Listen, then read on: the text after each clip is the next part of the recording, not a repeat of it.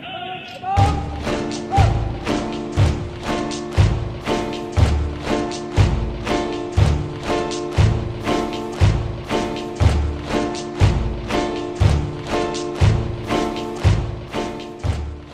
Şu anda Auschwitz'te Birkenau kampındayız. Bu kamp Auschwitz'teki 3 toplama kampından ikincisi ve en büyüğü aslında. Ve bu kamp 1 milyonun üzerinde Yahudinin öldürüldüğü en büyük kamp. Arkamda bulunan anıtta bu kampta ölenler veya diğer Nazi toplama kamplarında ölenler için yapılmış bir anıt. Bu anıt tabii ki burası Sovyetler tarafından kurtarıldıktan sonra yapılıyor. Bu kamp içerisinde gaz odaları ve krematoryumlar var. Yahudilerin veya Romanların yani Çingenelerin veya Nazilerin öldürmek istediği diğer grupların işte eşcinseller gibi ne bileyim Polonyalı muhalifler gibi e, onların öldürüldüğü ve e, bir kısmının yakıldığı yerler. Bu kamptan birazcık bahsedelim. Bu kampa insanlar trenlerle geliyorlar ve günde hani binlerce insan geliyor e, iki trenle ve insanlar burada sınıflandırılıyorlar. Bu sınıflandırma neye göre yapılıyor? Bir doktor veya bir doktor heyeti var. Bu heyet insanlara sağlık durumlarını soruyor. Gelen Yahudiler hastalığımı söylersem doktorlar benimle ilgilenecek diye düşünerek ne var ne yok hepsini söylüyorlar. Sonuç ne oluyor tabii ki? Hasta olanlar doğrudan öldürülmeye gaz odalarına yollanıyorlar. Sağlıklı olanlar ve genç olan erkeklerse çalışma kamplarına gönderiliyorlar. Yine Auschwitz'teki çalışma kamplarında işte madencilik gibi veya tarım gibi veya işte yapılması gereken binaların yapımı gibi hatta öldürülen Yahudilerin cesetlerini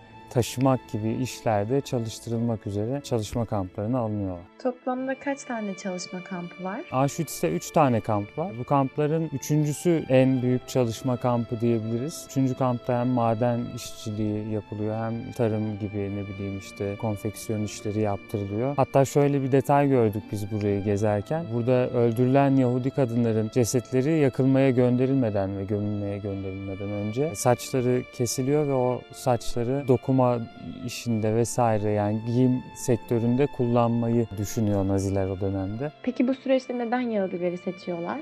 Şimdi Nazi düşüncesi zaten Almanların e, Aryan ırkına bağlı olduğu ve bu yüzden dünyadaki en üstün ırk olduğu düşüncesini içeriyor. Fakat aynı zamanda seçtikleri bazı alt ırklar, aşağılık ırklar da var. Bu ırklar içerisinde Yahudiler ve Romanlar başta geliyor ve Avrupa'daki bütün Yahudiler, Romanlar bu yüzden Naziler tarafından toplanıp öldürülüyorlar genellikle. Ama Yahudilerin Avrupa'daki hikayesi zaten genellikle acıklıydı yani Almanlardan önce Nazi dönemi döneminden önce Yahudiler hem İtalya'da hem Rusya'da hem Avrupa'nın çeşitli bölgelerinde gettolara kapatıldılar. Gettolar Yahudilerin dış dünyayla bağlantısını koparan mahallelerdi. Bir nevi açık hava hapishaneleriydi. Veya pogromlara maruz kaldılar. Yahudi mahalleleri zaman zaman bölgedeki insanların istilasına uğradı ve var ne var ne yoksa ellerinde bunlar yaşadıkları şehirlerdeki komşuları tarafından çalındı, gasp edildi. Fakat Yahudilerin maruz kaldığı en büyük insanlık suçu tabii ki 2. Dünya Savaşı sürecindeki soykırımdı. Soykırım kavramı da zaten daha sonrasında Polonyalı bir Yahudi olan Rafael Lemkin tarafından Nazilerin Yahudilere yaptığı insanlık dışı suçları tanımlamak için ortaya atılmış bir kavram. Tabii ki sadece Yahudilere yapılan muamele değil soykırım kavramının çıkış sebebi. Fakat soykırım kavramını dünya gündemine taşıyan en önemli olay tabii ki Nazilerin Yahudilere yaptığı insanlık dışı muameleydi. Peki soykırım tam olarak nasıl tanımlanmıştır Rafael Lemkin tarafından? Lemkin diyordu ki bir ırkı veya bir topluluğu tamamen veya kısmen yok etmeye yönelik hareketler soykırım olarak düşünülebilir. Tabii bu hareketlerin içerisinde illaki o ulus ulusun bütün fertlerinin öldürülmesi yok. Yani nesillerinin devamını engelleyebilirsiniz. Veya onları tamamen öldürmek yerine bir kısmını da öldürebilirsiniz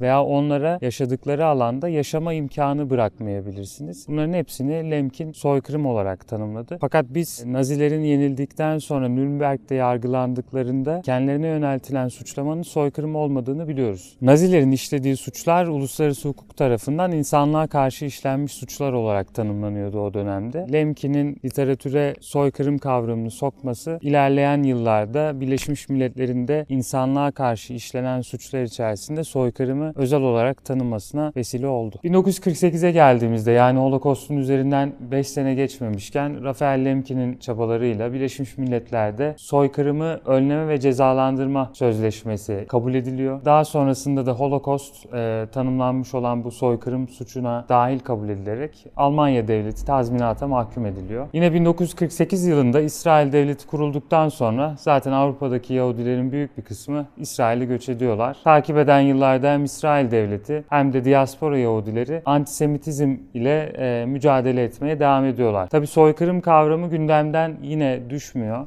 E, gerek Ruanda olsun gerek 90'lı yıllarda hem Sovyetlerin hem de Yugoslavya'nın yıkılışından sonra Bosna'daki iç savaş ve Azerbaycan ve Ermenistan arasındaki çatışmalar soykırım tartışmalarını yeniden gündeme getiriyor.